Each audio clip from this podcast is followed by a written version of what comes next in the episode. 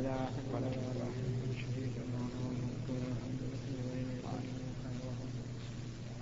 لا مانع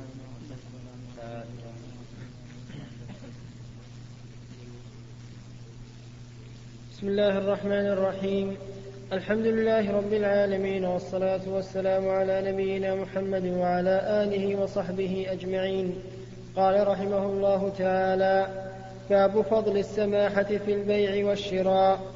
قال الله تعالى وما تفعلوا من خير فإن الله به عليم.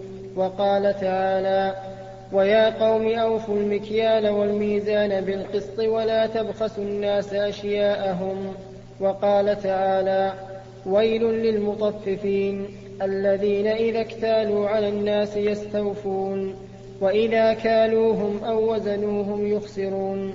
ألا يظن أولئك أنهم مبعوثون ليوم عظيم يوم يقوم الناس لرب العالمين. بسم الله الرحمن الرحيم. قال المؤلف رحمه الله في كتابه رياض الصالحين باب فضل السماحة في البيع والشراء. البيع والشراء أمران ضروريان. لا تقوم حياة بني آدم إلا بهما غالبا. وذلك لأن الإنسان قد يحتاج إلى شيء عند غيره. فكيف يتوصل إليه؟ إن استجداه وقال هبه لي أذل نفسه.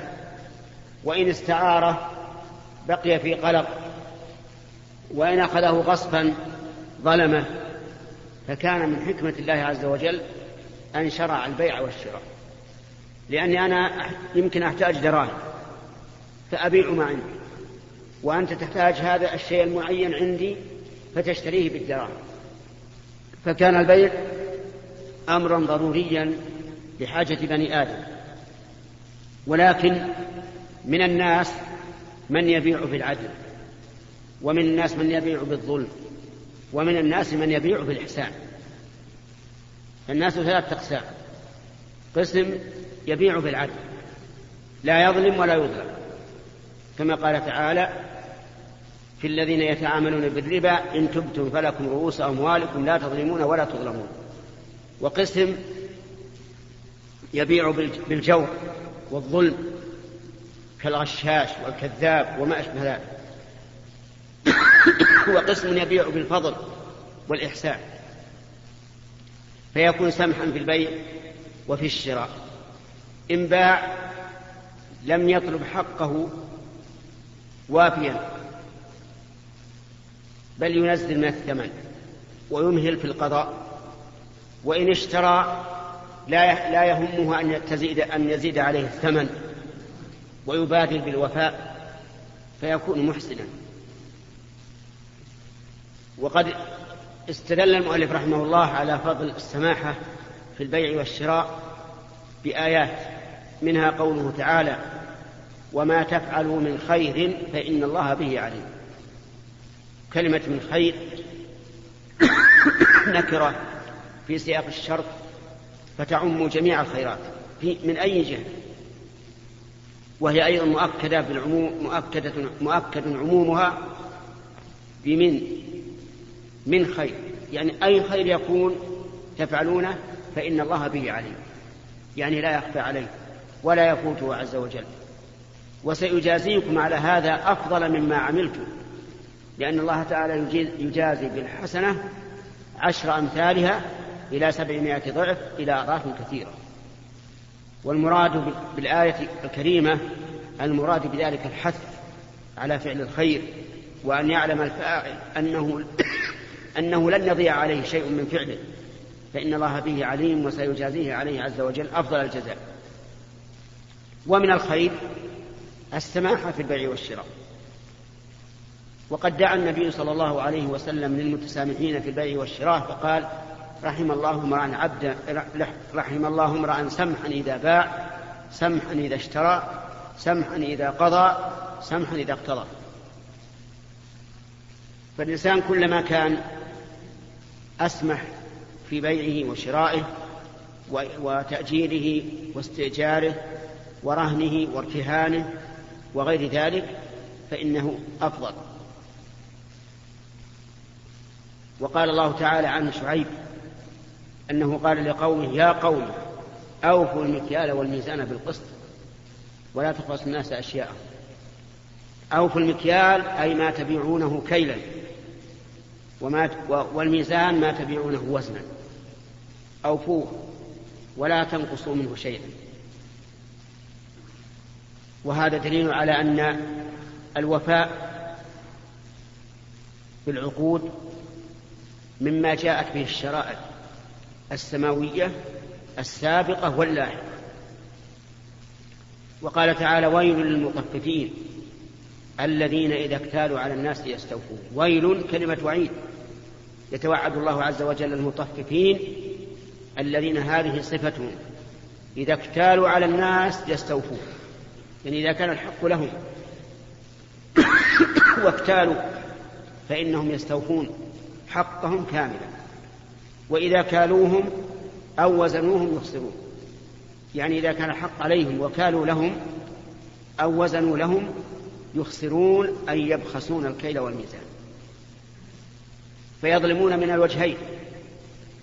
أو يطلبون العدل فيما يتعاملون به ويبخسون فيما يعاملون الناس به.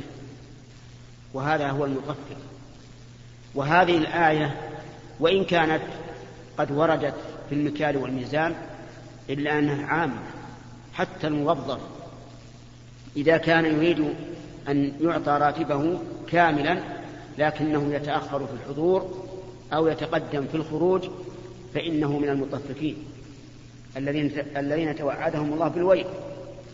لأنه لا فرق بين إنسان يكيل أو يزن للناس وبين إنسان موظف عليه أن يحضر في الساعة الفلانية ولا يخرج إلا في الساعة الفلانية ثم يتأخر في الحضور ويتقدم في الخروج. هذا مطفف وهذا المطفف في الوظيفة لو لو نقص من راتبه ريال واحد من عشرة آلاف لطال ليش تنقص؟ هذا مطفف فيدخل في هذا الوعيد.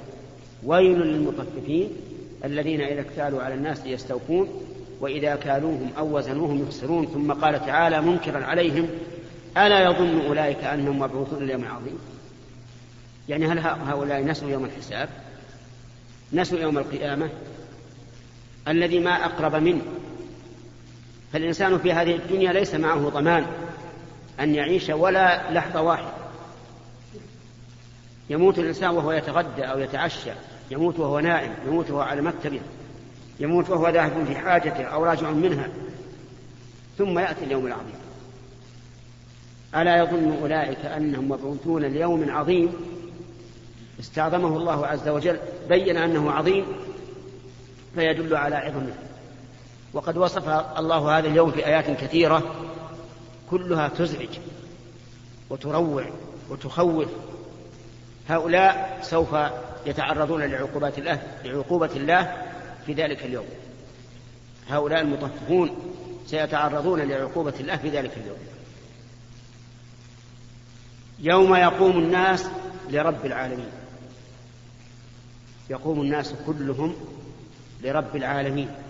من في مشارق الأرض ومغاربها يبعثون على صعيد واحد يسمعهم الداعي وينفذهم البصر. الداعي يسمعهم كلهم لأن الأرض مبسوطة. ما هي كروية يغيب بعض الناس فيها عن بعض بل هي سطح واحد. إذا تكلم أحد في أقصاهم سمعه أدنى في إذا تكلم أحد في أولهم سمعه آخرهم. وينفذهم البصر يراهم الرائي. بخلاف في الدنيا الأرض منعطفة كروية لكن في الآخرة الأرض سطح واحد. كما قال الله تبارك وتعالى وإذا الأرض مدت وألقت ما فيها وتخلت تمد كما يمد الجلد العديم هذا اليوم العظيم يقوم الناس فيه لله عز وجل للحساب والمعاقبة. ومقدار هذا اليوم خمسون ألف سنة. والشمس من فوقهم بقدر ميل. ولا شجر يستظلون به ولا بناء ولا شيء. إلا من يظله الله في ظله يوم لا ظل إلا ظله أسأل الله أن يجعلني وإياكم منه. فهذا يسلم. فهذا اليوم العظيم سيجد هؤلاء المطففون عقوبتهم في ذلك اليوم. ولا فيه ولد ينفع ولا أب ولا أم ولا زوجة ولا أحد. كل لكل امرئ منهم يومئذ شأن يغنيه. فليحذر هؤلاء المطففون وليتقوا الله عز وجل. يؤدوا الحق كاملا وإن زادوا الفضل فهو أفضل ولهم أن يأخذوا حقهم كاملا وإن تسامحوا فهو أفضل. والله موفق.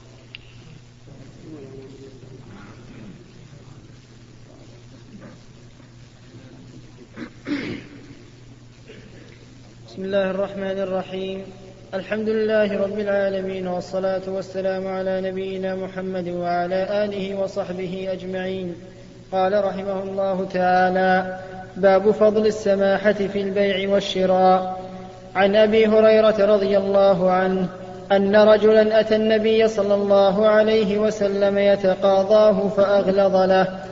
فهم به أصحابه فقال رسول الله صلى الله عليه وسلم دعوه فإن لصاحب الحق مقالا.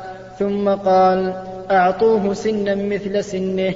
قالوا يا رسول الله لا نجد إلا أمثل من سنه. قال أعطوه, أعطوه فإن خيركم أحسنكم قضاء. متفق عليه. وعن جابر رضي الله عنه أن رسول الله صلى الله عليه وسلم قال رحم الله رجلا سمحا إذا باع وإذا اشترى وإذا اقتضى رواه البخاري. وعن أبي قتادة رضي الله عنه قال سمعت رسول الله صلى الله عليه وسلم يقول من سره أن ينجيه الله من كرب يوم القيامة فلينفس عن معسر أو يضع عنه رواه مسلم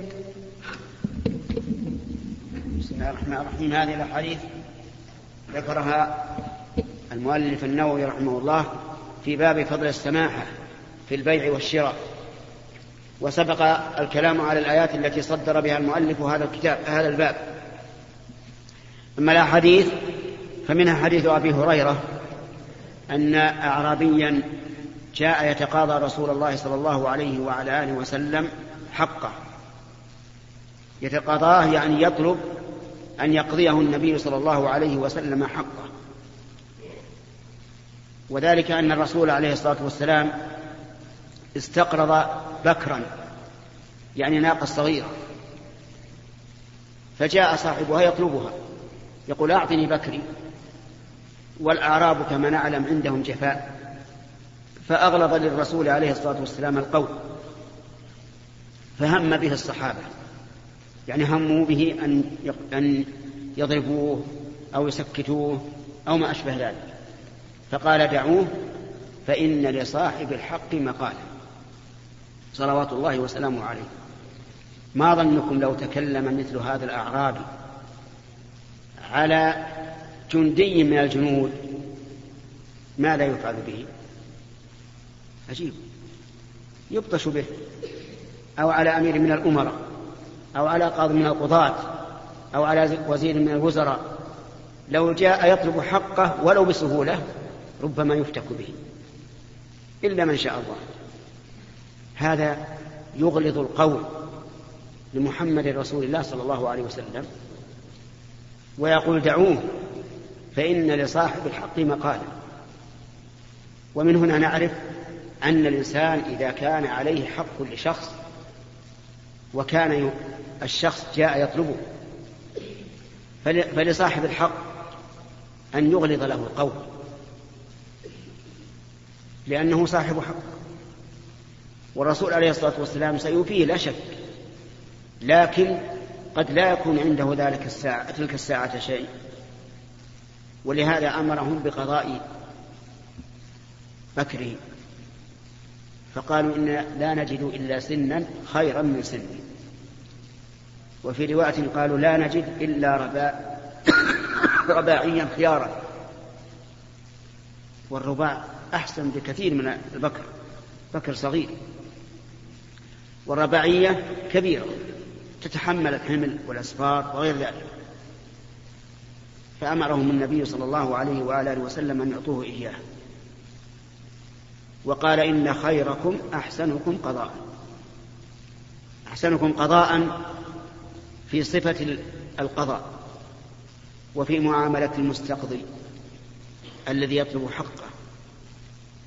فينبغي للإنسان أن يقتدي برسول الله صلى الله عليه وعلى آله وسلم في حسن القضاء لا في معاملة المستقضي الذي يطلب حقه أي لا يعامله بالجفاء والسب والشتم بل باللين لأن له حقا ومقالا.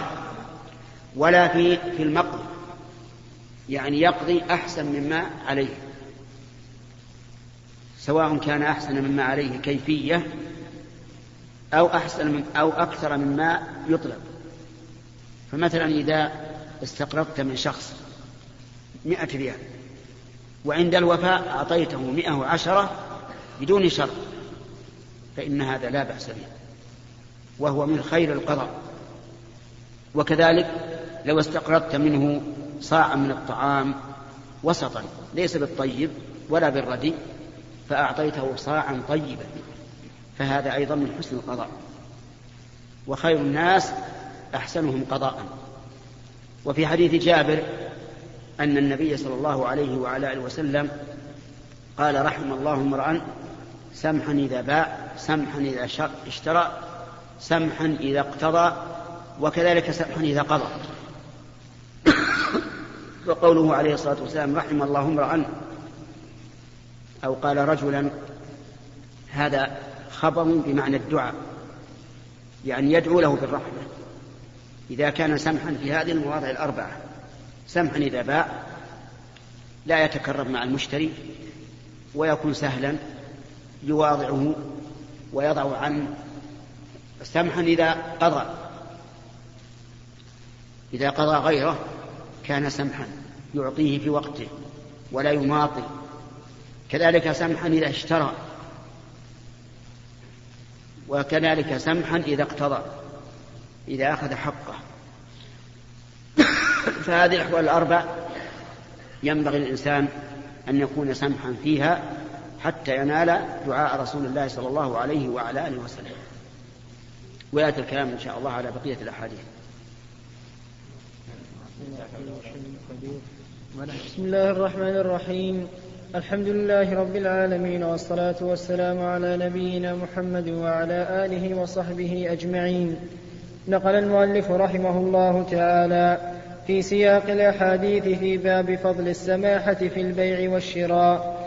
عن أبي هريرة رضي الله عنه أن رسول الله صلى الله عليه وسلم قال كان رجل يداين, يداين الناس وكان يقول لفتاه إذا أتيت معسرا فتجاوز عنه لعل الله أن يتجاوز عنا فلقي الله فتجاوز عنه. متفق عليه. وعن أبي مسعود البدري رضي الله عنه قال قال رسول الله صلى الله عليه وسلم حوسب رجل ممن كان قبلكم فلم يوجد له من الخير شيء إلا أنه كان يخالط الناس وكان موسرا وكان يأمر غلمانه أن يتجاوزوا عن المعسر. قال الله عز وجل نحن أحق بذلك منه تجاوزوا عنه. رواه مسلم. وعن حذيفة رضي الله عنه قال أتى الله تعالى بعبد من عباده آتاه الله مالا فقال له ماذا عملت في الدنيا؟ قال ولا يكتمون الله حديثا. قال يا رب آتيتني مالك فكنت أبايع الناس وكان من خلق وكان من خلق الجواز. فكنت أتيسر على الموسر على الموسر وأنظر المعسر. فقال الله تعالى أنا أحق بذا منك تجاوزوا عن عبدي. فقال عقبة بن عامر وأبو مسعود وأبو مسعود الأنصاري رضي الله عنهما هكذا سمعناه من في رسول الله صلى الله عليه وسلم. رواه مسلم. هذه الأحاديث الثلاثة في باب السماحة في البيع والشراء وفيها فضل العفو عن الناس والتجاوز والتجاوز عنهم. ففي الحديث الأول عن أبي هريرة رضي الله عنه أن النبي صلى الله عليه وسلم قال كان رجل يداين الناس يعني يتعامل معهم بالدين والدين ليس هو المعروف عندنا التورق يعني أن تشتري سلعة لتبيعها وتنتفع بثمنها. الدين كل ما ثبت في الذمة فهو دين. حتى لو بعت على شخص سيارة بثمن غير مؤجل ولم يسلمك الثمن فالثمن في ذمته دين. لو أنك استأجرت بيتا وتمت المدة ولم تسلمه الأجرة فالأجرة في ذمتك دين. المهم من المداهنة أن نعامل الناس ليس ليس نقدا يعني يدا بيد بل يبيع عليهم ويشتري منهم ويعفو عن المعسر. فكان يقول لغلامه إذا رأيت معسرا فتجاوز عنه لعل الله يتجاوز عنه. فكان الغلام يفعل هذا. فلقي الله عز وجل. فجازاه الله عز وجل بمثل ما يجازي به الناس. يعني بمثل ما يفعل هذا الرجل في الناس عامله الله عز وجل. فتجاوز عنه. وذلك لأن الله في عون العبد ما كان العبد في عون أخيه. ولأن الجزاء من جنس العمل. ففي هذا الحديث حديث أبي هريرة والحديثين بعده دليل على فضيلة إنذار المعسر والتجاوز عنه وإبرائه. واعلم أن هذا لا ينقصك شيئا من المال. لأن النبي صلى الله عليه وسلم قال ما نقصت صدقة من مال. بل هذا يجعل في مالك البركة والخير والزيادة والنماء. وأما إنظار المؤسر فإنه واجب.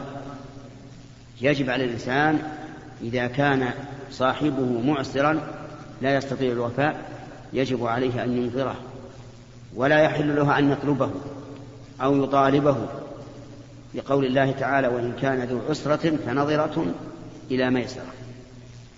فهناك فرق بين الإبراء وهو إسقاط الدين عن المعسر وبين الإنظار.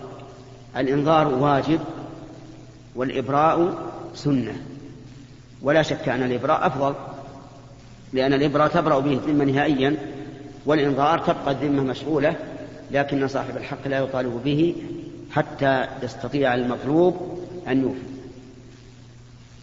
وبعض الناس نسأل الله العافية تحل لهم الديون على أناس فقراء فيؤذونهم ويطلبونهم. ويطالبونهم ويرفعون بهم إلى ولاة الأمور ويحبسونهم عن أهليهم وأولادهم وأموالهم.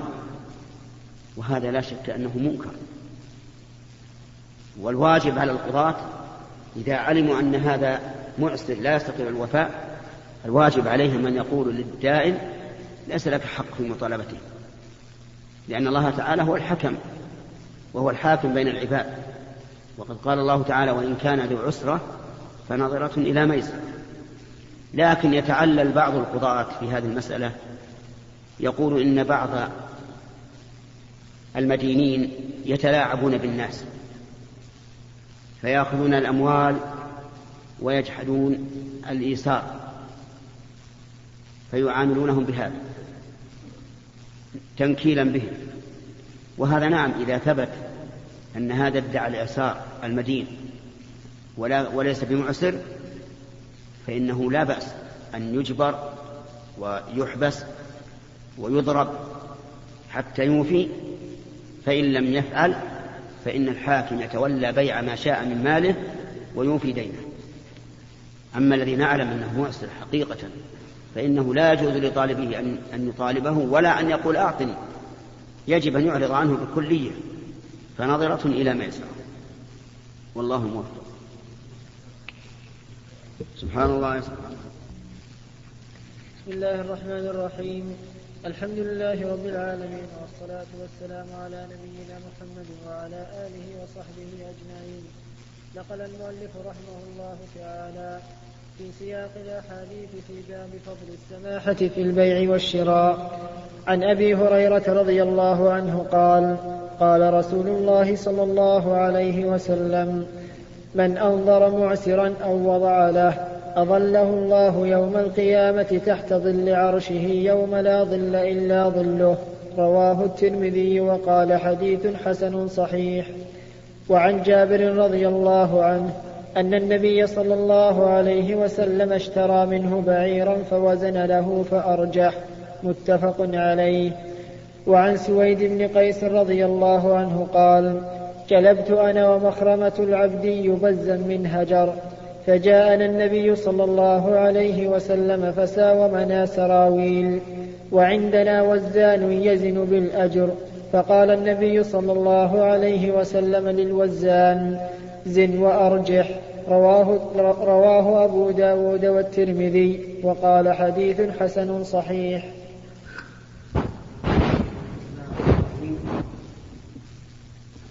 هذه بقية الأحاديث الواردة في فضل السماحة في البيع والشراء والقضاء والاقتراء.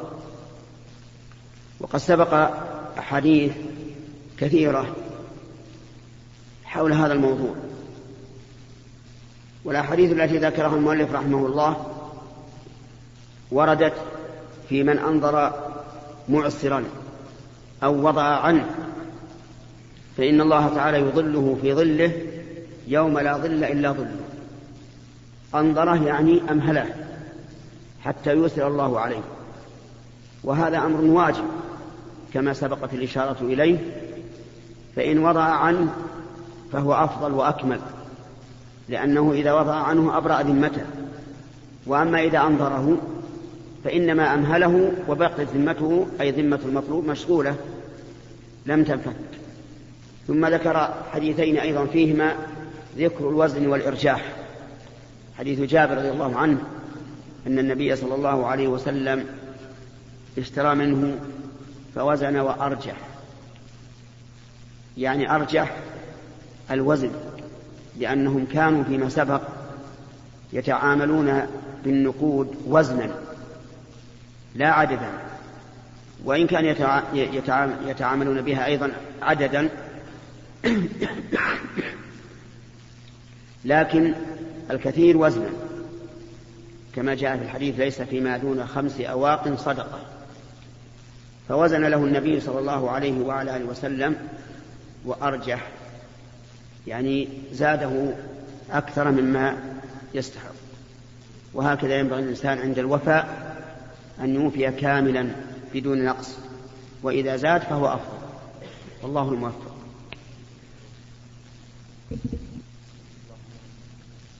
بسم الله الرحمن الرحيم. الحمد لله رب العالمين والصلاة والسلام على نبينا محمد وعلى آله وصحبه أجمعين. قال رحمه الله تعالى كتاب العلم. باب فضل العلم تعلما وتعليما لله. قال الله تعالى وقل رب زدني علما. وقال تعالى قل هل يستوي الذين يعلمون والذين لا يعلمون؟ وقال تعالى يرفع الله الذين آمنوا منكم والذين أوتوا العلم درجات. وقال تعالى إنما يخشى الله من عباده العلماء.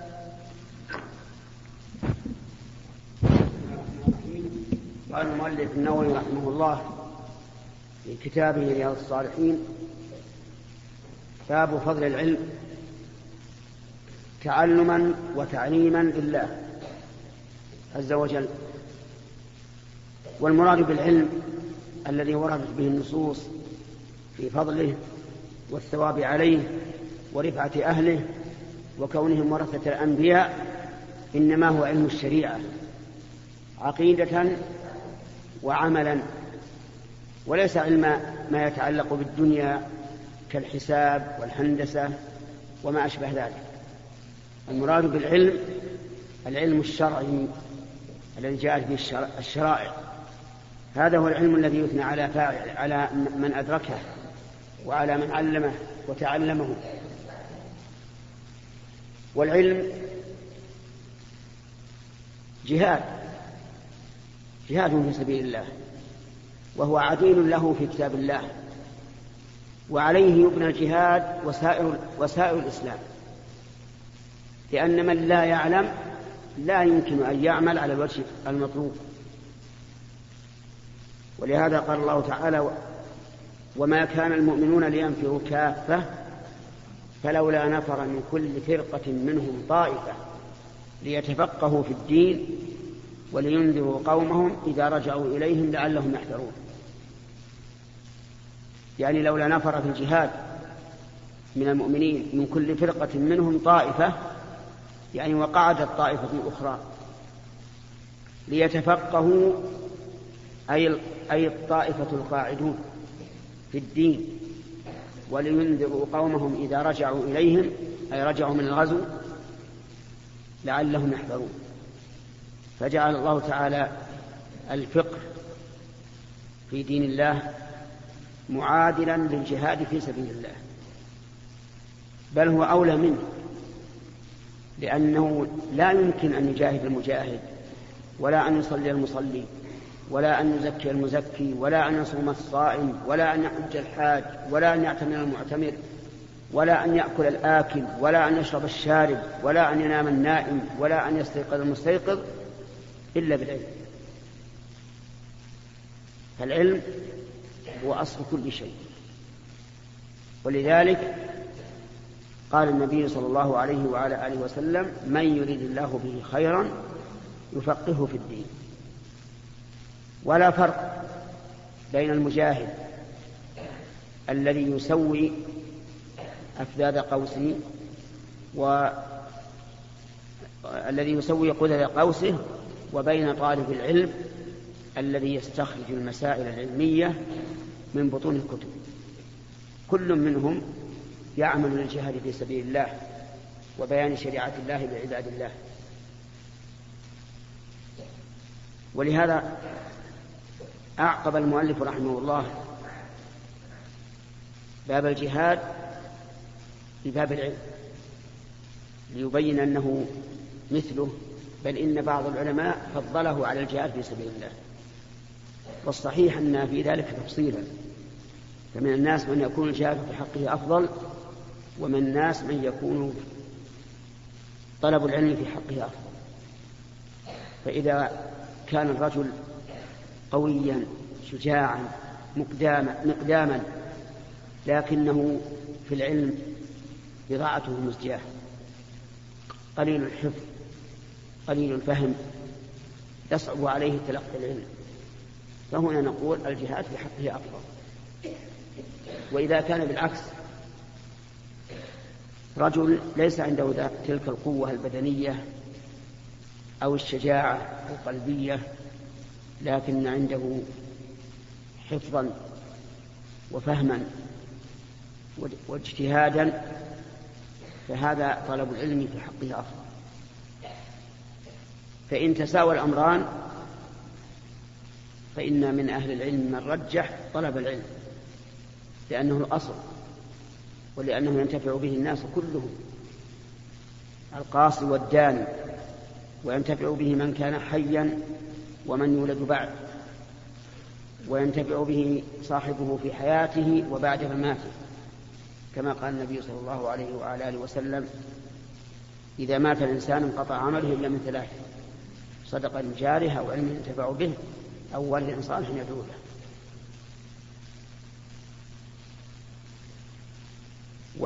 وجميع الناس محتاجون للعلم. الأنبياء وغير الأنبياء كلهم محتاجون للعلم. ولهذا أمر الله نبيه أن يقول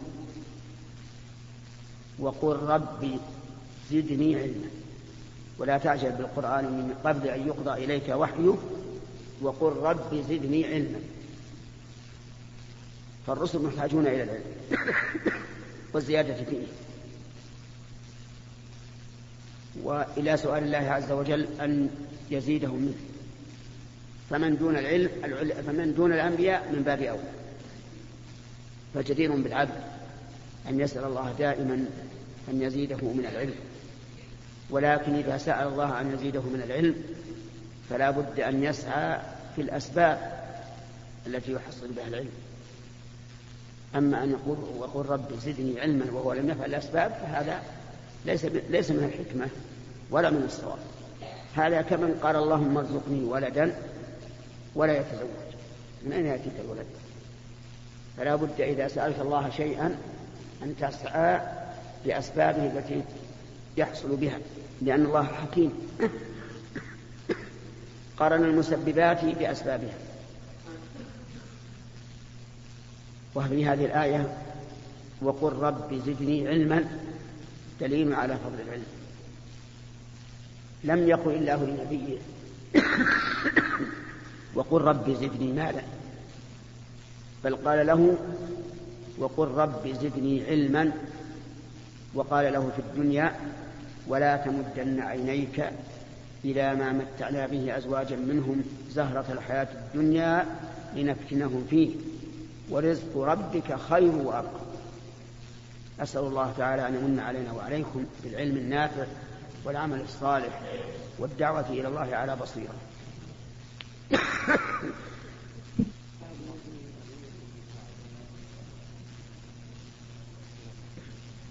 بسم الله الرحمن الرحيم. الحمد لله رب العالمين والصلاة والسلام على نبينا محمد وعلى آله وصحبه أجمعين. قال رحمه الله تعالى باب فضل العلم تعلما وتعليما لله. قال الله تعالى وقل رب زدني علما. وقال تعالى قل هل يستوي الذين يعلمون والذين لا يعلمون. وقال تعالى يرفع الله الذين آمنوا منكم والذين أوتوا العلم درجات وقال تعالى إنما يخشى الله من عباده العلماء.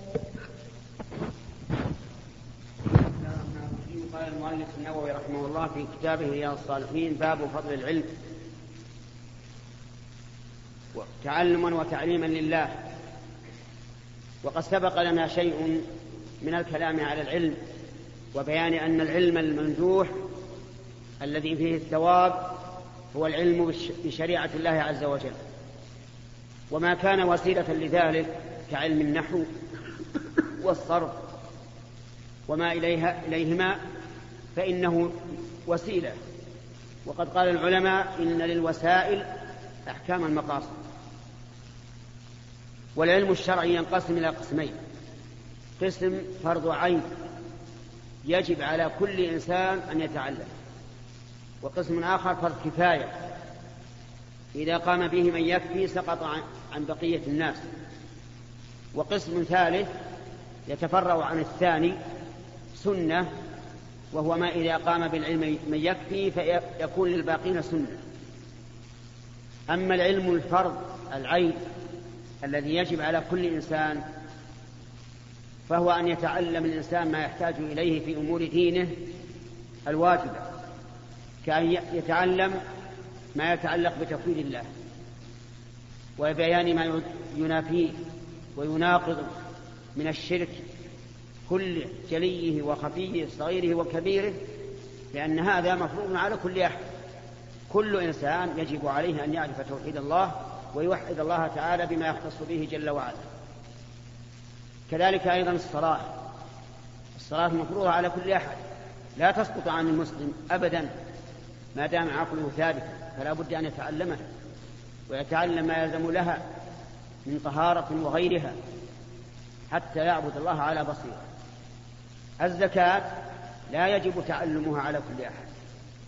من عنده مال وجب عليه أن يتعلم. ما هو المال الزكوي؟ وما هو وما مقدار النصاب وما مقدار الواجب ومن الذي تؤتى إليه الزكاة وما أشبه ذلك. لكن لا يجب على كل واحد أن يتعلم الزكاة. إذا كان فقيرا ف... فلماذا نوجب عليه أن يتعلم أحكام الزكاة وهو ليس عنده مال؟ الصوم يجب تعلمه على كل أحد. يجب أن يعلم الإنسان ماذا يصوم عنه وما هي المفطرات وما هي نواقض الصوم وما هو منقصاته وما أشبه ذلك. كل إنسان يصوم يجب عليه أن يتعلم ذلك. الحج لا يجب على كل أحد أن يتعلمه وإنما يجب أن يتعلمه من من استطاع إليه سبيلا حتى يحج على بصيرة. ومع الأسف أن كثيرا من الناس لا يتعلمون ما يجب عليهم من أحكام دينهم فيقعون في متاعب. ولا سيما في الحج. وما أكثر الذين يسألون عن الحج وتجدهم قد وقعوا في خلل كبير لأنهم لم يتعلموا قبل أن يعملوا. البيع مثلا أحكام البيع لا يجب على كل إنسان أن يتعلم أحكام البيع لكن من أراد أن يتجر ويبيع ويشتري لا بد أن يتعلم. ما هو البيع الممنوع وما هو البيع المشروع حتى يكون على بصيرة من أمره وهلم جرة فتبين الآن أن العلم الشرعي ينقسم إلى قسمين الأول فرض عين والثاني فرض كفاية. وفرض الكفاية يستحب لمن لمن لا لمن زاد على من تقوم به الكفاية أن يتعلم ليحفظ شريعة الله ويهدي الله به عباده وينتفع الناس به. ولا شيء ولا شيء أشرف من العلم. ويدل لهذا قول الله تبارك وتعالى للنبي صلى الله عليه وعلى آله وسلم ولا تعجل بالقرآن من قبل أن يقضى إليك وحيه وقل رب زدني علما. ربنا عز وجل يقول للرسول صلى الله عليه وسلم قل رب زدني علما. الرسول عليه الصلاة والسلام محتاج إلى زيادة العلم. فدل ذلك على فضيلة العلم. لأن الله لم يقل له وقل رب زدني مالا زدني زوجات زدني أولادا. بل قال له ولا تمدن عينيك إلى ما متعنا به أزواجا منهم زهرة الحياة الدنيا لنفتنهم فيه ورزق ربك خير وأرضى ومما يدل على فضل العلم قول الله تبارك وتعالى قل هل يستوي الذين يعلمون والذين لا يعلمون. يعني قل للناس قولا عاما هل يستوي الذين يعلمون والذين لا يعلمون؟ والجواب مفهوم أنه إيش؟ لا يستوي الذين يعلمون والذين لا يعلمون. وهذا أمر منتفل بمقتضى طبيعة الإنسان وفطرته أنه لا يستوي الإنسان الذي يعلم والذي لا يعلم. لكن الله سبحانه وتعالى ذكره على صيغة الاستفهام ليكون متضمنا للتحدي. ليكون هذا النفي متضمنا للتحدي. يعني هات لي أحد يقول إنه يستوي لا يستوي الذين يعلمون والذين لا يعلمون. لا أحد يقول بذلك. ولا يمكن أن يستوي الذين يعلمون والذين لا يعلمون أبدا. حتى في أمور الدنيا لا يستوي الذين يعلمون والذين لا يعلمون.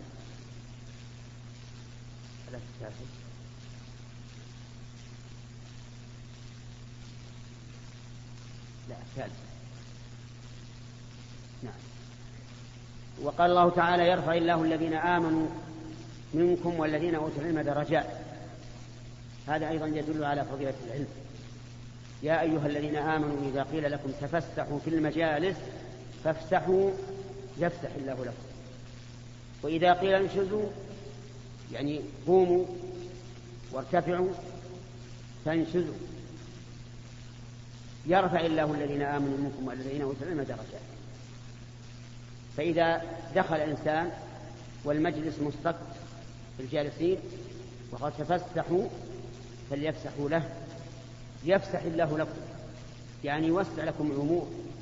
لأنكم استعتم على هذا الداخل فيوسع الله عليكم لأن الجزاء من جنس العمل. فمن عامل أخاه بشيء عامله الله تعالى بمثله. إن أيسرت على معسر يسر الله عليك. إن فرجت عن مؤمن كربة فرج الله عنك كربة من كرب يوم القيامة. إن أعنت أحدا كان الله في عون. والله في عون العبد ما كان العبد في عون أخيه. ولهذا قال افسحوا يفسح الله لكم. وإذا قيل انشزوا فانشزوا. يعني قوموا قوموا. وفي هذا دليل على أنه لا حرج على الإنسان أن يقول للجماعة الذين عنده انشزوا اخرجوا بارك الله فيكم انتهى شغلكم ولا ولا حياء في ذلك. لا حياء في هذا ولا غضاضة على الإنسان. حتى الجلوس لا ينبغي لهم أن يكونوا ثقلاء. لا يقومون إلا إذا قيل قوم ينبغي للإنسان أن يخفف الجلوس عند الناس ما استطاع. إلا إذا علم من صاحبه أنه يحب أن تبقى عنده فلا بأس. وإلا فلا. من فضلك اقلب الشريط.